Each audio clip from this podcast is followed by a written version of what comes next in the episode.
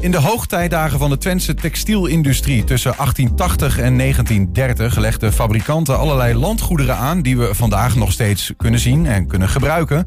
Die aanleg is alweer even geleden, terwijl het eh, klimaat verandert. Landschap Overijssel, die negen van dat soort landgoederen rondom Enschede in bezit heeft, stelde zich daarom een vraag. Hoe kunnen we ze zo beheren dat ze klaar zijn voor de toekomst, maar ook zodanig dat ze recht doen en blijven doen aan het oorspronkelijke ontwerpidee. Het driejarig onderzoek leverde een 190 pagina's tellend boek op, getiteld Landgoederen van Textiel. En het project werd geleid door erfgoedspecialist Martijn Horst. Martijn, goedemiddag. Goedemiddag. Klopt dat een beetje? Was dat, was dat de vraag uh, waar, waarmee jullie eigenlijk dit onderzoek ingingen? Van ja, hoe, hoe moet het nou beheren zodat het recht blijft doen aan waar het vandaan kwam? Ja, dat klopt wel als je het zo stelt. Want Waar wij tegenaan liepen uh, was dat wij uh, sommige landgoederen al wel 30, 40 jaar in bezit hebben. Maar tegelijkertijd uh, snappen we niet altijd precies waar we naar kijken als we het over het landschapspark hebben. We hebben natuurlijk ehm, nou, vanuit onze historie heel vaak ecologisch beheerd. Uh, maar als je met een cultuurhistorische bril gaat kijken, dan zit er een veel grotere verfijning in dan dat je in eerste instantie denkt. Mm -hmm. ja, dat is wel mooi om uit te zoeken en om achter te komen hoe zit het nou precies in elkaar. Moet ik me dan zo voorstellen dat je zegt: oké, er was oorspronkelijk een idee. En dat idee is misschien ook al langzaam verdwenen, omdat we niet altijd met die cultuurhistorische bril hebben gekeken. Um, dus we gaan het ook weer herstellen. We willen het eigenlijk ook weer herstellen zoals het ooit is aangelegd. Of is het puur van hoe zorgen we nou dat wat we nu hebben, dat dat blijft bestaan op die manier? Nee, beide zit erin. Dus uh, we kijken echt met die cultuurhistorische bril om te herstellen. Maar tegelijkertijd zie je wel dat uh, waar de textielfabrikanten vroeger vaak echt naar hun landschapspark keken, uh, hebben wij veel meer opgaven in het gebied. Hè? Wij hebben bijvoorbeeld recreatie en toerisme, wat op sommige landgoederen zoals Smalenbroek, Strooienk en het Spik uh, heel veel is. Of Espelo, idem dito. Daar -hmm. komen honderden duizenden mensen per jaar. Dus daar zul je toch net iets anders mee om moeten gaan dat een textielfabrikant ja, ja. kon doen terwijl hij geen bezoekers had. Ja. En, en de bomen zijn oud geworden. En dat betekent ecologisch gezien ook iets. Dus uh, vleermuizen, uh, maar ook spechten, uilen. Die, die, komen ook veelvuldig voor. zijn beschermde soorten vaak. Dus daar moeten we ook op een iets andere manier mee omgaan.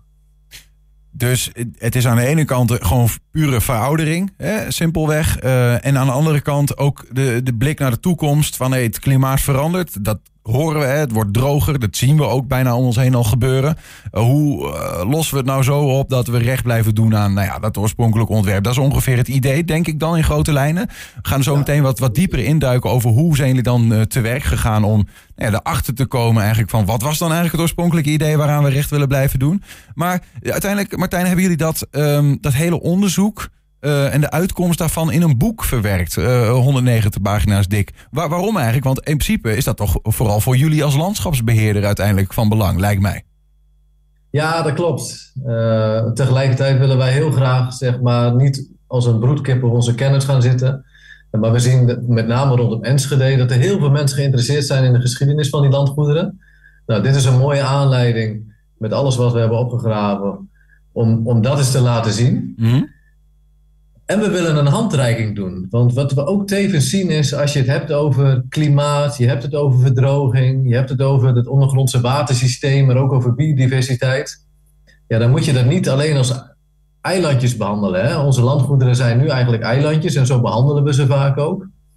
Uh, maar als je zulke grote problematieken op wilt pakken, net als recreatie en toerisme, ja, dan moet je breder gaan kijken. Dan moet je eigenlijk nadenken met je buren, met je, met, met, nou ja, we hebben ook heel veel landgoedeigenaren als buren, logischerwijs. Kunnen we die dingen samen gaan doen? Ja, ja. Daar hebben we ook een voorzet voor gegeven. Een handreiking eigenlijk naar onze buren en naar de gemeente van denk met ons mee. Misschien kunnen wij samen dingen op gaan pakken.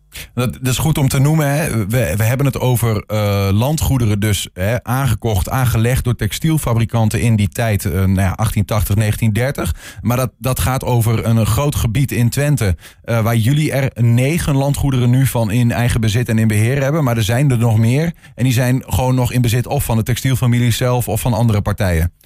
Ja, dat klopt. Ja. Dat is heel wisselend. Um, wie tegenwoordig het, het eigendom heeft. Laten we eens de induiken hoe jullie dat onderzoek hebben gedaan. Ik ben, misschien in de eerste instantie in grote lijnen benieuwd. Wat moet je nou eigenlijk allemaal weten? Hoe begin je? Wat moet je weten om uiteindelijk te komen waar je wil komen? Namelijk met een soort van beheerplan. Ja, de kunst is om dan na te denken van... wat was de oorspronkelijke gedachte van de parkaanleg? Dus als je dat wil snappen, moet je heel dicht bij zowel de landschapsarchitect komen als bij de eigenaar. Die, die twee hebben namelijk beide invloed. Aan de ene kant de landschapsarchitect, omdat hij natuurlijk een ontwerp maakt met je hebt hier een hoogte, daar een laagte, hier een vergezicht. En als we dit allemaal op deze manier aan elkaar aan laten sluiten en hier het zicht blokken, dan krijg je dit effect. Mm maar tegelijkertijd heb je ook een eigenaar die dingen mooi of juist niet mooi vindt en die daar een hele zware stempel op drukt. Of misschien niet altijd de, de middelen heeft gehad om het op een bepaalde manier te beheren. En als je die twee goed snapt, ja, dan snap je eigenlijk wat het idee was en wat je nu ziet. Het is niet geen makkelijke opgave trouwens om, uh, om, om, dat, om dat te doen. Um, een van de redenen om, om nou ja, om, om, of een van de achtergronden om dat beter te snappen, is dat we zijn begonnen met archiefonderzoek. Eh, en dat kan tegenwoordig heel goed. Eh, bij Enschede heb je in Huis Zonnebeek heb je tegenwoordig het archief Twentse textielfamilies. Een ongelofelijke nieuwe bron aan informatie, waar heel veel bij elkaar is gezet. Komt van allerlei zolders, komt het af en daar wordt het toegankelijk. maar je moet dan ook denken aan het provinciale archief in Zwolle en zelfs ook het nationaal archief, ja. wat in Den Haag ligt. Ja. Wat eigenlijk ook ergens verbaasde me ook wel dat je zeg maar uh, dat die dingen dus niet uh, in bezit zijn van de, van de beheerder of zo. Of is dat, is dat een gekke verbazing? Dat, je, dat je eigenlijk op zoek moet naar van ja, waar komt eigenlijk ons park vandaan en de inrichting daarvan? Ja, nee, dat is niet zo'n hele gekke verbazing. Uh, heel vaak zie je bij, bij landgoederen, met name wat oudere landgoederen ook, dat het, dat het huisarchief niet is overgeleverd. Of zo noemen we dat dan, het huisarchief. Eh, dus dat ligt vaak ergens anders, of is inmiddels weggegooid, of is een keer bij een brand verloren gegaan, of is verdeeld onder de erven. Dus je kunt je voorstellen, in 150 jaar geschiedenis gebeurt er heel veel met papieren. Ja. Waterschade. dus je moet in heel veel gevallen reconstrueren waar zijn al die papieren gebleven en hoe zit het nou in elkaar. Jullie hebben uh, dus onderzoek gedaan, in de archieven gedoken, kaartmateriaal, luchtfoto's, dat soort dingen. Heb je daar een voorbeeld van wat je kunt, uh, kunt laten zien eventueel? Ja, ik, hoe, luchtfoto's uit die tijd lijken me ook vrij schaars, eerlijk gezegd. Vanaf de jaren 30 komt het opzetten. Ja, dus vanaf de jaren 30 hebben wij landsdekkende luchtfoto's die voor iedereen toegankelijk zijn. Um, en de eerlijkheid gebied te zeggen, je kunt natuurlijk ook met oude kaarten werken. Maar die kaarten, oude kaarten zijn ook maar een interpretatie van uh, de cartograaf met wat hij op luchtfoto's in het veld ziet. Dus wil je heel dicht bij het ontwerp komen, dan is een luchtfoto fijner. Omdat je niet weet of de cartograaf begrepen heeft wat de landschaparchitect bedoeld heeft. En dat klinkt misschien een beetje cryptisch, maar als die niet snapt wat er bedoeld is, dan zet hij dat niet op de kaart en kunnen wij dat niet lezen. Ja, dus daar kun je beter je wil, zelf, je wil zelf naar het bronmateriaal kijken om te zien van heeft die cartograaf dat wel goed begrepen. Um, ja, ik, ik weet niet hè Martijn, maar ik weet dat je een presentatie hebt waarin wat, wat dingen in beeld zijn. Kunnen we zo'n zo'n zo'n kaart of zo'n luchtfoto even ter duiding van een bepaald landgoed in, eh, in Twente, kunnen we dat eh, zien om daar een beeld van te krijgen? Ja, dat kan heel goed. Lastig is alleen dat uh, in deze Zoom jullie de, de delen-knop hebben uitgeschakeld. Aha, oké. Je, hebt de presentatie ook, dus misschien kun jij hem laten zien. Ja, dat is voor mij nu ook uh, lastig. Maar dan, ik, ik vraag het maar aan onze regie of we dat kunnen veranderen. Dat jij ook je scherm kan, kan delen.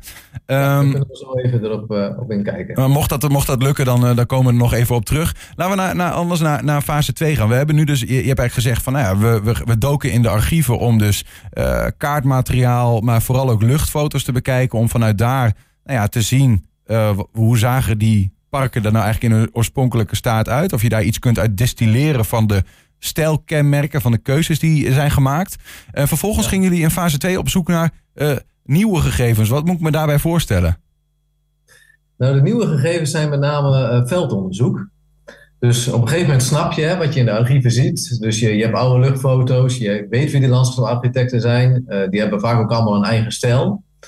Ja, en ga dan maar eens op zoek uh, in het veld van... Uh, zijn er dan ook nog nieuwe gegevens op, op te snorren? Mhm. En dat, dat gaat eigenlijk heel goed. Ga maar eens, als je veel meer weet vanuit de archief het veld in... dan kom je verbazingwekkende dingen tegen. Landgoederen waar je altijd al liep, kom je in één keer een oude laan tegen die in het bos ligt, die je nog nooit uh, hebt on, uh, ontdekt. Um, doorzichten waarvan je eigenlijk niet wist dat het zo uh, bedoeld was. Soms is het ook andersom, hebben we iets dichtgepoot, terwijl dat het eigenlijk open had moeten zijn. Mm -hmm. en, en, en zo kom je heel goed nou ja, tot nieuwe gegevens, dat je denkt van, oh ja, zo zit het dus. En dat was gewoon. die nog ergens weg staan te kwijnen, maar die eigenlijk heel erg belangrijk waren in het ontwerp. Dat was gewoon letterlijk. Het algoritme wat er geweest is, maar uh, wat je in het veld eigenlijk niet meer terugziet. En dat was gewoon letterlijk uh, een, een soort van veldonderzoek dat jullie. Uh, kwam allemaal uit veldonderzoek of heb je dat ook weer uit andere bronnen dan het archief moeten halen? Um, we hebben veldonderzoek gedaan, we hebben archiefonderzoek gedaan, we hebben natuurlijk logischwijs standaard literatuuronderzoek gedaan, maar wat we ook hebben gedaan is oude mensen geïnterviewd. Uh, en um, ja, dat is eigenlijk ook een fantastische bron van informatie. Die, die weten nou net weer meer dan dat je uit de archieven zou kunnen halen. Ja, dat zijn ja. vaak de niet opgeschreven verhalen die je, die je daar kunt ophalen. En juist rondom Enschede zit dat er nog heel erg in. Er zijn best nog wel veel uh, mensen die het uit de jaren 50, 60, soms ook wel uit de jaren 40 kunnen herinneren. Je hintte net al even op het oude laantje. Daar, heb je zelf ook een video van gemaakt. Jij ging naar uh, Hof Espelo om daar te laten zien uh, wat jullie bijvoorbeeld in zo'n veldonderzoek dan ontdekten. Een, een verborgen laan eigenlijk die niet meer als laan wordt gebruikt. Maar als je goed kijkt zie je hem nog wel en dat ziet er zo uit. Het is niet heel vaak dat je een oude laan terugvindt in het bos... waarvan eigenlijk niemand het bestaan meer af is. Vandaag is zo'n dag. We hebben er een gevonden hier op Hof Espelo. Nou ja, als je een beetje achter me kijkt, hier kun je het al wel zien. Hè? De Amerikaanse eiken, netjes op één rij. We hebben hem van oude luchtfoto's gehaald. En uh, ja, dan gaat hij door. Hij is daar helemaal uh, overwoekerd al.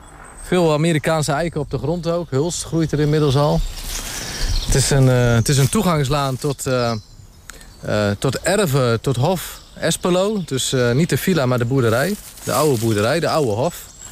En uh, het idee was, als je deze eikenlaan volgde... dan kwam je aan de andere kant uit. En dan kom je, als je rechtsaf gaat, exact voor de, voor de boerderij uit. Dus uh, dat was een soort van verlandschappeling... die, uh, die al voordat een textielfabrikant hier um, de boel opkocht... in gang is gezet. Ja, dat is dan het idee? Dat je uit de laan komt, voor de eindboom rechtsaf. En daar is hij dan in alle glorie. de oude Espelo. Ja, een onontdekte laan. Ja, een onontdekte laan, Martijn, die je daar uh, zo even laat zien. Dat is natuurlijk super interessant op de, om, om te zien. Maar dan is voor mij de vraag meteen in jullie onderzoek... wat, wat voor een plek krijgt het dan? Ga je dan zeggen van, nou, die, die laan die moet letterlijk terug. Dan moet gewoon weer geasfalteerd worden daar of iets dergelijks. Of de, de, de, de wat, wat moet ik daarmee met die informatie uiteindelijk? Nou, voor ons is het heel belangrijk. Kijk, als je naar Westbelo kijkt, dan is... Um de toegangslaan die er nu is, ik denk dat heel veel luisteraars en kijkers dat wel weten, als je richting het oude koetshuis gaat, waar nu ons bezoekerscentrum is, die staat echt op instorten. We snoeien er elk jaar om te zorgen dat, uh, dat, dat bezoekers geen vallende takken op hun bomen op hun, hun hoofden krijgen. Uh, maar dat houdt een keer op en dat moment is ongeveer aangebroken. Dus voor ons is dat nu de nieuwe gedachte. Van gaan we dan deze laan revitaliseren, gebruiken, om bezoekers meteen vanaf de parkeerplaats via de laan het gebied in te krijgen zonder dat ze autoverkeer tegenkomen. Want nu zit het, en het autoverkeer en het vrachtverkeer uh, richting de boerderijen erachter en de, en de wandelaars zitten op één, uh, één pad. Um, of uh, zeggen we nee, we gaan het op een andere manier oplossen. Mm -hmm. en ja, dit soort dingen helpen daarbij. Van, en of we deze helemaal terug gaan brengen, weet ik niet. Maar het geeft ons wel veel meer perspectief dat we zeggen: oh ja, we hoeven niet alleen de, de drukke laan die er nu is te gebruiken, maar we kunnen ook wandelaars aan de andere kant op leiden. Uh, maar dan moeten we de laan gaan herstellen. De oude eindboom weer in ere herstellen. En het verhaal vertellen van als je hier ja. rechts afslaat, dan ga je richting de boerderij. Een saillant detail is trouwens dat het ook nog, de laan die we ontdekt hebben, dat is eigenlijk het winterpad. De, de, de, de laan die je nu volgt naar, het, uh, naar Hof Espelo, die is zwaar opgehoogd. En dat is eigenlijk de zomerroute. Die was alleen in de zomer toegankelijk omdat die in de, in de winter te nat was. Oké. Okay. Dus het is eigenlijk omgedraaid in de laatste 50 jaar. Wat grappig. En, en zo zijn er dus wel meer van dit soort uh, verborgen parels. Waar, waar, als je gewoon beter ging, gewoon even je focus erop legt. Hoe zien die landgoederen er eigenlijk uit? Met mensen praat, in de oude foto's duikt. Dat je in één keer ziet van, hé, hey, maar wacht even. Zo zit het in elkaar. Ja, ja dat klopt. Hetzelfde geldt voor onze. Ehm, eh, we hebben een aantal familiegraven nog op onze landgoederen liggen. Bijvoorbeeld het graf van Blijdenstein uh, ligt bij ons op de Lonnekeberg. En daar kwamen we bijvoorbeeld in het archief kwamen een compleet beplantingsplan tegen, wat eigenlijk niet meer inzichtelijk is op dit moment. en daar konden dan familieleden van Blijdenstein konden daar dan een boom aanplanten. En die, was dan, en die konden dan kiezen uit tien verschillende boomsoorten. En dat zie je nu nog steeds een beetje terug. Ehm, en we vroegen ons altijd af hoe heeft dat er precies uitgezien, los van het beplantingsplan. En toen vonden we bijvoorbeeld uh, via Marktplaats notabene een oude uh, ansichtkaart waar het graf van Blijdenstein op staat. Die, die, is blijkbaar uitgegeven ergens in de jaren 20 van de vorige eeuw. Ja. Niet, niet veel exemplaren van bekend. En daar stond dat op, zo hoe het eruit zag. Daar stond hij op, ja, met hekwerk en alles. En met de buxus die er nu nog staat. dat is fantastisch om te zien. Dus dan snap je in één keer, oh, dat is er bedoeld destijds. Ja, ja oké, dus we hebben nu uh, fase 1, uh, archief, uh, luchtfoto's, kaarten om het te begrijpen. Fase 2, kunnen we nog andere dingen ontdekken die we niet in die archieven hebben gevonden. Met mensen praten, zelf de, letterlijk de bossen en de parken ingaan. nou ja, daar kom je, kom je heel veel dingen tegen. En dan ga je naar fase 3 en dan gaan jullie daar een historische gedachtengoedkaart van maken. Wat, wat is dat? Ik kan inmiddels mijn scherm delen, dus Kijk. misschien wel leuk om er eentje te zien. Ja. Jullie zien het scherm? Ik zie, je, ik zie het scherm, ja, ja zeker. Ja. dit zijn de archieffondsen die erin zitten. Hè. Dit is bijvoorbeeld het beplantingsplan, die oude aanzichtkaart. Je komt ook dit soort dingen tegen. Uh, dit is de uh, correspondentie van Dirk Watté, een be beroemde landschapsarchitect die heel veel rondom Enschede uh, gedaan heeft. Ja. Dus landbrukken horen daarbij. En, en, dit is eigenlijk het opstapje naar de gedachtegoedtekening en de kaarten die we hebben gemaakt. Wat je hier ziet is, zo schetste zij destijds met een soort van chemische eh, blauwe achtergrond. Uh, hoe zij dachten dat het park eruit zou moeten zien. Je ziet hele zwierige lijnen die erin zitten. Vaak werd dat niet zo uitgevoerd. Uh, maar wat wij gedacht hebben op een gegeven moment is... we hebben hoe het is uitgevoerd. Vaak zijn die tekeningen zijn er niet meer. Er zijn er nog maar vier bekend. Uh, rondom Enschede van, van Pieter Watté. Misschien moeten we zelf gaan tekenen wat wij zien en wat wij denken wat het gedachtegoed was. Ja. Dat zie je hier zo. Dit is bijvoorbeeld het Holthuis. Dat is van Ledenboer geweest. Het is vrij onbekend landgoed. Het is, uh, ik zou bijna zeggen, het is daar fantastisch. Ga er echt eens wandelen als luisteraar. Uh, dus er komen veel te, veel te weinig mensen wat mij uh, betreft voor dat, mooie, voor dat mooie landgoed wat er ligt. En hier zijn we gaan tekenen met waar lagen dubbele lanen, hoe zat die slingerlaan in elkaar, wat waren de zichten. En dat hebben wij, als je dan naar deze kijkt, gedacht van, maar dan maken we weer onze eigen blauwdruk van. In de geest van die landschapsarchitecten. En dat zie je hier zo. Mm Hier zitten dan ook alle veldnamen bij in en is aangezet wat er belangrijk is. En wij hebben nu voor elk van onze landgoed rondom uh, Enschede, en alle textiellandgoederen, hebben wij weer zo'n blauwdruk gemaakt. Dus weer een gedachtegoedtekening met wat de landschapsarchitect en de eigenaar destijds bedoeld hebben. En op die manier kunnen wij heel makkelijk schakelen tussen uh, wat is er belangrijk, wat is er niet belangrijk, wat komt er uit de periode voordat de landschapsarchitect kwam um, en uh, wat heeft hij juist aangelegd. Ja. Uh, dus nou ja, zo geeft het ons heel veel inzicht. En kunnen we tevens nadenken, um, wat is er qua vitaliteit nog goed en wat is er qua vitaliteit bijvoorbeeld juist heel erg matig. En dat zie je hier zo bijvoorbeeld bij Hof Espelo. Nou, ik kan je vast meegeven, rood en bruin is niet goed. Nee, dat dacht ik al. Ja. ja. En dan, dan zie je meteen het probleem waar we de komende jaren tegenaan gaan lopen. Hier moeten we enorm gaan nadenken. Hoe gaan we dit oplossen? Je wil namelijk niet in één keer al de laden kappen. Je wil ze sommige zo lang mogelijk in de benen houden. Andere nu al verjongen. Zodat je ook een gelaagdheid krijgt in je landgoed. En dat is wel het probleem rondom Enschede op al die landgoederen. Je zei mooi in je intro al, hè, het begint rond 1870, 1880 tot 1930. Het was eigenlijk een soort van modeverschijnsel bij een, uh, bij een bewonersgroep die op dat moment zoveel kapitaal had vergaard dat ze zich dit konden veroorloven. Uh, en wat je dan ziet, is ze planten allemaal tegelijk aan. Ja, het dus gaat ook allemaal tegelijk dood. Periode dat alles tegelijk doodgaat. Ja, ja, ja, ja. En de vier jaar droogte op rij helpt daar niet bij. Nee, en daar zitten jullie nu mee. Nou ja, wij allemaal eigenlijk. Ja, ja, ja, uh, als we willen voorkomen dat we alles tegelijk moeten kappen en alles tegelijk in moeten planten, dan moeten we daar echt goed over nadenken. Dus uiteindelijk heb je uh, nou ja, zo'n gedachtegoedkaart waarin jullie in ieder geval kunnen uh, hebben vastgelegd van wat denken wij dat het oorspronkelijke gedachtegoed van die textiel-eigenaren en van hun ingehuurde architecten voor dit landschap was. En op basis van die gedachtegoedkaart heb je dan een maatregelenkaart gemaakt. Dus dan fase 4, waar je letterlijk inzet, denk ik, van wat, wat moeten we nou eigenlijk doen de komende tijd. Ja. Dat, uh, dat hebben we een voorzet voor gegeven. En dat zit ook in het boek. Dus elk landgoed eindigt met van wat zouden wij hier nou willen op het landgoed, zodat we in de toekomst uh, nou ja, ook nog ervan kunnen genieten. Maar dat we ook al die uh, combinaties maken. Dus recreatie en toerisme, nieuwe econom economische verdienmodellen wellicht, biodiversiteit en tegelijkertijd hoe pakken we die cultuurhistorie aan. Exact. Um, Helder, eh, Martijn. Dankjewel voor je uitleg. Die, dat, boek waar dan uh, die maatregelen ook nog in staan. Eigenlijk het hele verhaal, denk ik, hè, van A tot Z. Uh, kunnen we dat ergens gewoon in een boekwinkel kopen? Of? Het ligt bij Broekhuis in de boekwinkels. Um, ik denk in alle boekwinkels eerlijk gezegd. Hè. Ze zitten in Hengelo, Enschede, volgens mij in Almelo ook nog. Dus daar ligt het. Is het te bestellen voor 35 euro.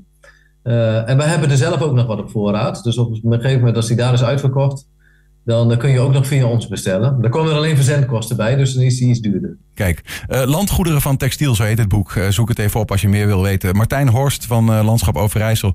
Dankjewel en succes de komende tijd dan om die landgoederen te herstellen of, ze, of te beheren zoals ze, als ze goed zijn in de staat waarin ze zijn. Um, en de komende tijd dat weer nou ja, de, de cultuurhistorische waarde terug te vinden in die landgoederen. Graag gedaan, dankjewel.